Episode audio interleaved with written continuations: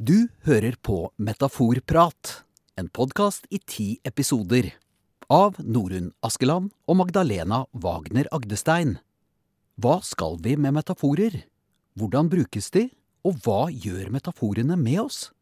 Hvilke metaforer bruker politikere og reklamefolk for å påvirke oss? Hva er de vanligste metaforene om kropp, sykdom og død? Og hvordan brukes metaforer som terapeutisk redskap? Dette og mye mer kan du høre om i denne podkasten, og dermed bli bedre kjent med metaforenes vesen og virke. Velkommen til Metaforprat.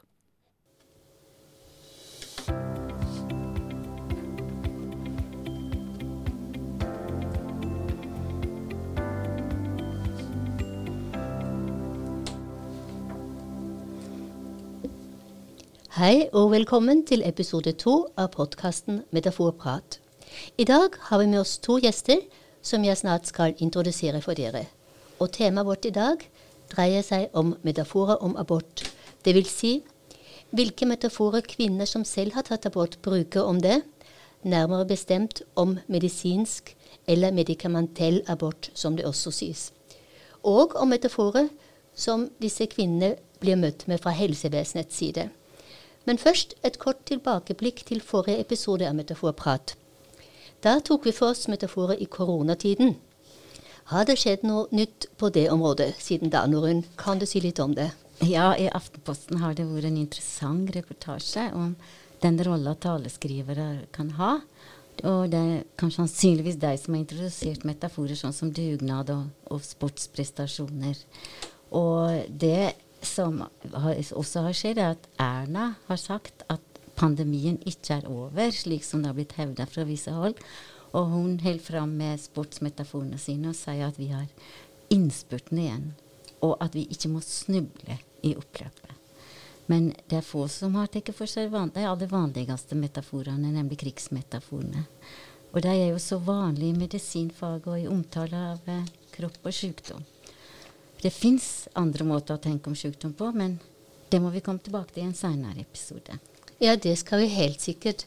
Men siden du nevner artikkelen i Aftenposten og det om taleskrivernes rolle, har jeg lyst til å fokusere kort på det som ble sagt om dugnadsmetaforen. Vi har jo også i vår siste podkast snakket om at dugnadsmetaforen har utspilt sin rolle. Den har så å si forsvunnet fra politikernes taler. Og det nye er at det nå har blitt erstattet med krafttaksmetaforen.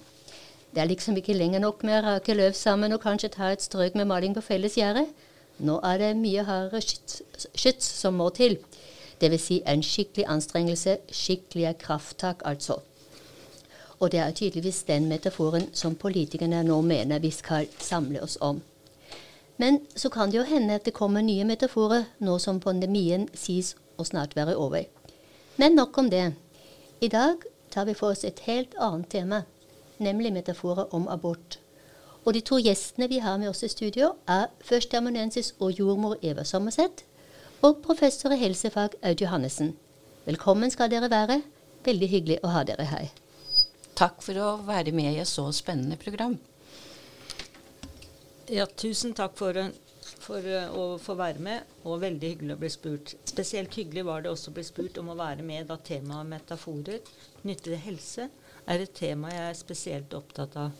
Jeg har arbeidet med metaforer på andre felt innen helse, som bl.a. demens. Sammen med Eva fant vi at det ville være interessant å se på metaforer som kvinner bruker om abort. Vi har derfor tatt kontakt med Norunn Askeland, som har mye kunnskaper om metaforer og som kan samarbeide med oss om hvordan utarbeide en artikkel om kvinners bruk av metaforer knyttet til medisinsk abort. Jeg har forstått det slik at det er du, Eva, som leder prosjektet. Kan du fortelle litt om hvordan det, hvordan det hele kom i gang? Ja, det stemmer. Dette er et kvalitativt prosjekt som omhandler kvinners erfaringer med medikamentell abort i hjemmet. Det er lite forskning om dette temaet, og formålet er å innhente kvinners erfaringer for å se på kvaliteten av omsorgstilbudet. Interessen eh, var også begrunnet i mitt tidligere doktorgradsarbeid, hvor jeg intervjuet kvinner som valgte å avbryte svangerskapet pga. alvorlige misdannelser etter uke 18, altså mellom uke 18 og opp til uke 24. Deres opplevelse var skyld, skam og sårbarhet i en allerede krisepreget situasjon. Dette prosjektet omhandler kvinner som tar abort før uke tolv. Og vi rekrutterte disse kvinnene via Facebook, og det var svært overraskende for oss å se at allerede i løpet av et døgn så hadde vi 30 informanter. Det var tydelig veldig mange kvinner som ønsket å dele sin historie eh, med oss. Og det som vi merket, var at de ikke var blitt spurt om dette før. Mm. Intervjuene tok ca. en time, og de ble skrevet ned fortløpende og er nå under analyse. Så hva så dere spesielt etter? Hvilke områder ble undersøkt, og, hva, og lå det en tidsbegrensning i perioden dere undersøkte? Kvinnene hadde fått foretatt disse abortene opp til uke tolv i svangerskapet. Det er slik at de møter opp på sykehuset og får da informasjon om hva dette skal være. Der får de to ulike medikamenter. Det første medikamentet gjør at fosteret dør, og abortprosessen er i gang. Da er, da er det altså ikke noe vei tilbake. Så reiser de hjem, og etter to døgn uh, har de med seg et annet medikament som de setter opp i skjeden.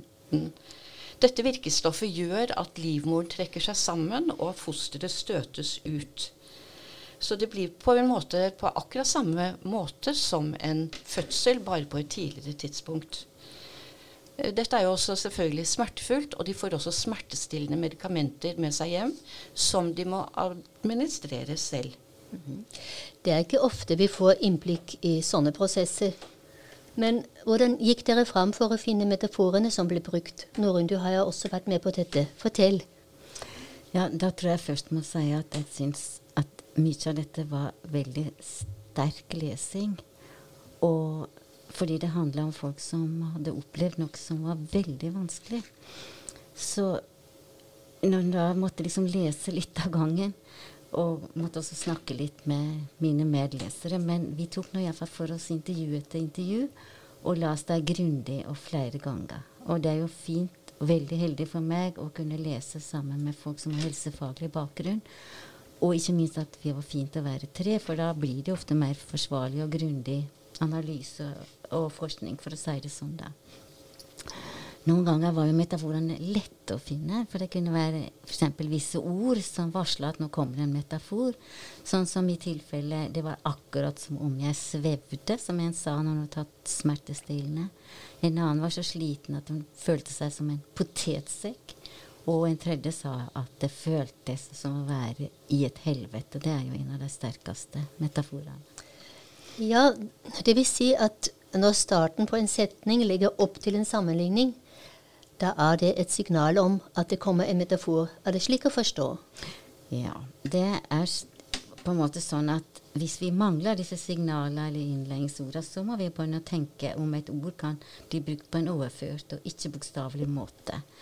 Et eksempel på det kan være at kvinnene var møtt med kulde da de var til samtale på sykehuset. Det er jo ikke ment fysisk kaldt, men følelsesmessig kaldt.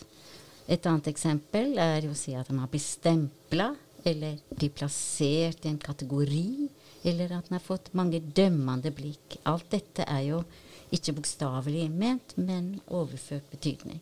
Og en tredje sa, en, en annen kvinne sa også at hun hadde møtt en jordmor som var døv blind og stum. og det var jo selvfølgelig metaforisk ment, da. Det var en, en, jordmor som ikke hørte etter, som ikke så folk, og som ikke snakka vennlig. Med andre ord som ikke hadde en varm framtoning som denne ønska seg. Mm. Det er mange interessante eksempler du nevner her. Men folk flest er kanskje ikke så bevisste på, at, på alle de metaforene som ligger i språket. Nei, kanskje ikke så bevisste, men de bruker det jo sjøl, da. Og for å oppdage så er det egentlig bare å leite og lese og tenke, og, og, og trene seg. Jeg ser jo med en gang at når en kvinne sier at hun er nedfor og har det vanskelig for å se veien videre, så bruker hun to vanlige metaforer, nemlig å være nedfor, som hviler på tanken om at BOP er bra og ny er dårlig. Og når hun snakker om veien videre, så er det metaforen om livet som reise som ligger under. Eh, en må ha litt uh, metafortrening, men det hjelper jo å øve seg. Og så må en systematisere da og finne metaforer som har noe felles. F.eks. dette med stemple, og dømme og kategorisere. Som egentlig hører sammen i en gruppe der det gjelder påføre skam, vil jeg kanskje kalle det. da. Mm. Dette med å lete etter metaforer Mange vil kanskje spørre seg hvorfor man egentlig gjør det. Og i deres tilfelle, hvorfor gjorde dere det?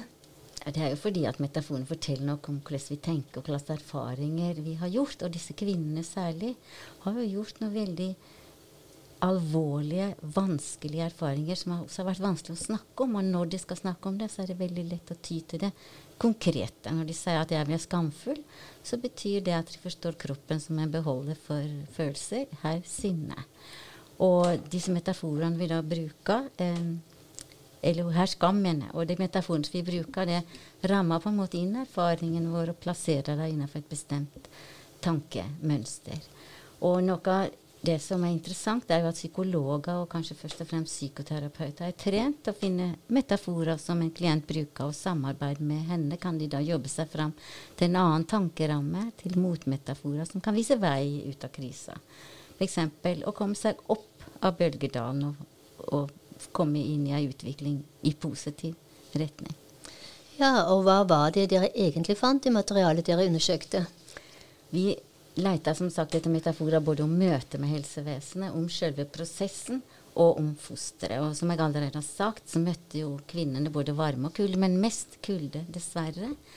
Og svært mange følte seg på samlebånd og følte at de fortjente å bli straffa, og at de ikke fortjente omsorg fordi de hadde sjøl kommet i en ført seg opp i en vanskelig situasjon. Og dette gjorde òg at noen fikk, ble deprimerte. Og sjøl om det var mange fantastiske mennesker i helsevesenet som de kunne snakke med, så opplevde de vel at disse, disse menneskene blir slukt av systemet. Blir slukt av samlebåndet av prosedyrer og protokoller. Og derfor var det ikke tid og rom for empati, som de på en måte hadde veldig behov for. Og det skjedde også ting når det kom en lege inn i rommet. Da ble jordmødrene og sykepleierne en annen person, og ikke fullt så empatiske. Så jeg har litt lyst til å spørre Eva og Aud, som har erfaring fra sykehus. Er det sånn at det ikke er rom for empati på sykehuset når en tar abort, som en av, flere av kvinnene har sagt? Og er det nødvendigvis legene som kan klandres? Ja, Aud, vil du ja. si litt om det? Ja, kvinner beskriver abort som en ensom prosess. En prosess som de har måttet gå igjennom. Og dette kan vel tydes slik at det ikke er lagt opp eller organisert på en slik måte at det er rom for oppfølging. Ei heller empati og involvering. Kvinnene beskriver at de i liten grad blir fulgt opp av helsepersonell i prosessen. De blir informert om at de ikke bør være alene under aborten. Kvinnen har mulighet til å ta kontakt med helsevesenet, men dette resulterer også i at det oppstår usikkerhet om når man bør ta kontakt. I den avsluttende prosessen av aborten oppstår det også usikkerhet om når utdrivelsen er avsluttet. Medisinsk abort er en prosess som helsepersonell i liten grad deltar i, viser denne studien. En prosess som kanskje kan være kulturelt betinget. Vi, vi har jo fortsatt debatter om hva som er rett og galt når det gjelder aborter i Norge. Ja, Eva, vil du tilføye litt her? Ja, Kvinner beskrev opplevelser og erfaringer på ulike måter. De fortalte at de ikke var forberedt på at dette skulle være så smertefullt. De var heller ikke forberedt på at det skulle være så mye blødning, og at de skulle føle seg så alene og ensomme. Mange var veldig redde. Noen beskrev at de faktisk trodde de skulle dø. De visste ikke hvor stor denne blødningen skulle være. Og de visste heller ikke hvordan det skulle være når fosteret ble avstøtt ut av livmoren. Mm. Men hva med metaforene om, om, selve prosessen med abort? Kan du kanskje si litt om det, Aud? Noen kvinner bruker metaforen fødsel om prosessen. Andre beskriver prosessen som en utdrivelse som nevnt.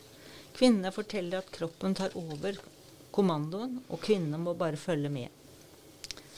Det kan se ut som om sykehuset ikke har opplyst godt nok om hva som skal skje fysisk under selve aborten. Og kanskje har de heller ikke fått vite om at det kan komme psykiske ettervirkninger. Når kroppen tok over, var det en opplevelse av at man var et urmenneske. I prosessen med å få det ut ble det opplevd som at det buldret og braket i magen. En prosess som krevde fysiske krefter. En slitsom prosess som gjorde at en følelse av at man var en potetsekk, oppsto. Mentalt kunne det oppleves som at man svevde litt. Var i ørska og helt slått ut. Når prosessen var i gang, så fossa det blodet ut av meg, sa en. En annen sa at det var en renselsesprosess. Metaforisk utsagn var 'jeg fikk smertestillende og svevde litt', fulgte ikke helt med. Det var en ensom prosess. Jeg følte meg sårbar, overlatt til meg selv, og etterpå har jeg stengt av. Noen av kvinnene uttrykker også at de har en form for skyld. En sier 'tabletten jeg tok, var et drapstablett'. Jeg følte meg som en barnemorder. Dette er noe de har skrevet, eh, strevet med i ettertid. Men flere av kvinnene sier også at på tross av dette var det nødvendig å ta aborten. For det er slik livet er. Man greier ikke alt bestandig. Det er mange talende metaforer her som blir brukt om prosessen, forstår jeg. Men så var det metaforene om selve fosteret. Hvilke, hvilke metaforer ble brukt der, Norunn? Ja, det er jo kanskje veldig interessant at metaforen om fosteret viste seg å være enten var det fraværende eller veldig tydelige. Og der det var fraværende, var nesten når kvinner da snakka bare om det eller den greia. De snakka om at det skulle komme ut. Jeg hørte at det kom ut. Og de snakka om ei litt større greie. Og noen ganger bruker de ordet foster, som kommer fra norrønt. Og det er jo en metafor i seg sjøl, beslekta med føde og det å fostre. Så ei kvinne snakka om et bitte lite foster med et hjerte som slår, og det framheva jo det menneskelige og levende ved fosteret. Ei anna forteller at samboeren hennes, som er lege, han var så veldig flink til å tenke medisinsk. Han mente at fosteret var bare og jeg siterer, et sånn embryo og på en måte ikke noe liv. sitat slutt. Og hun sier, siterer igjen, han var veldig sånn medisinsk på akkurat det. sitat slutt. Og dette med veldig sånn, det viser kanskje at hun tar avstand fra den måten å tenke på. Andre ganger så bruker kvinnene begrepet 'selve klumpen' om fosteret, særlig når det er snakk om at det kommer ut. da. Og en tredje sier det er liksom ikke bare rent blod som kommer ut heller. Det er altså snakk om noe mer og noe annet enn blod. Og det er ikke bare en forsinka og ekstra stor mensen, som sykehuspersonalet ofte har omtalt det som.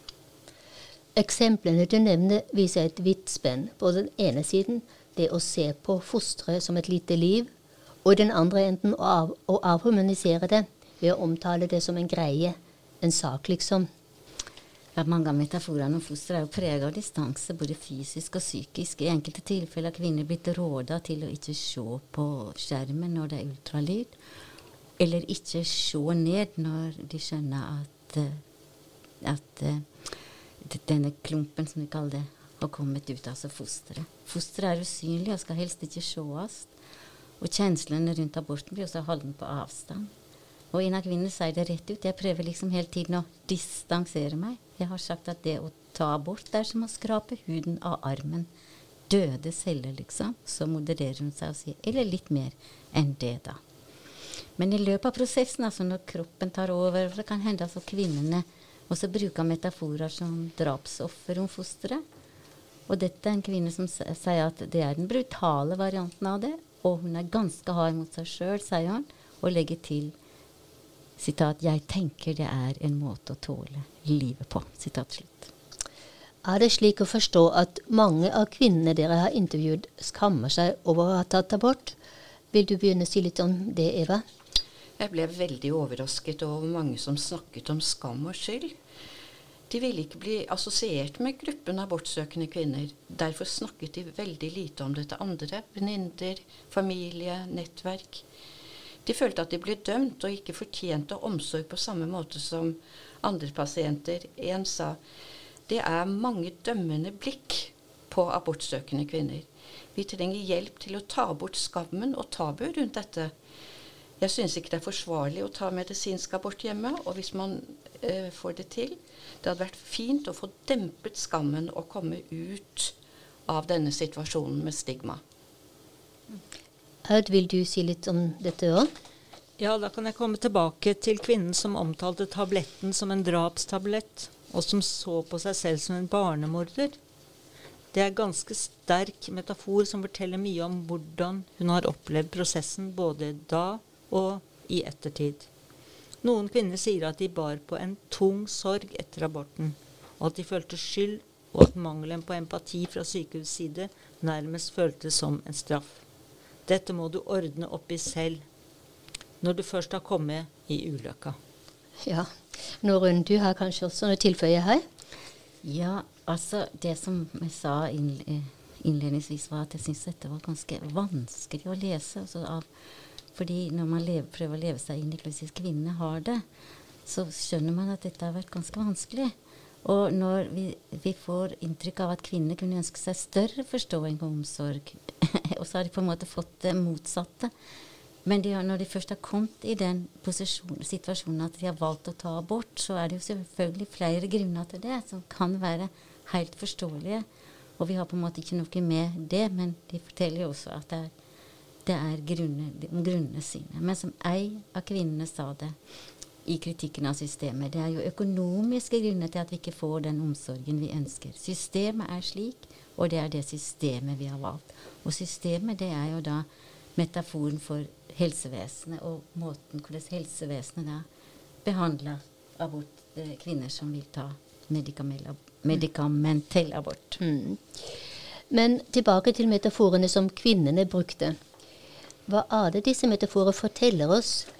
Dere sa at formålet med prosjektet var å se på kvaliteten av omsorgen. Hva fant dere da? Hvordan er den omsorgen, Aud? Ja, du kan se på det på den måten at det kan være bra å ikke være innlagt og slippe å være innlagt på sykehus. Mange kanskje setter pris på det å være hjemme i en sårbar situasjon.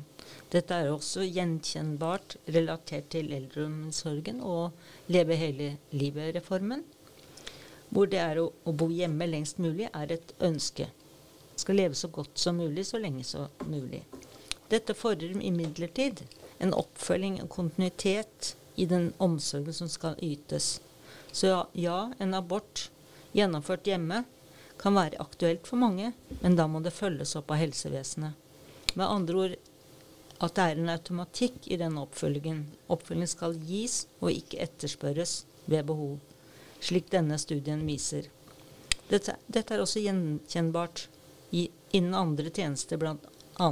demens, hvor det er pårørende som oftest må etterspørre bistand og hjelp.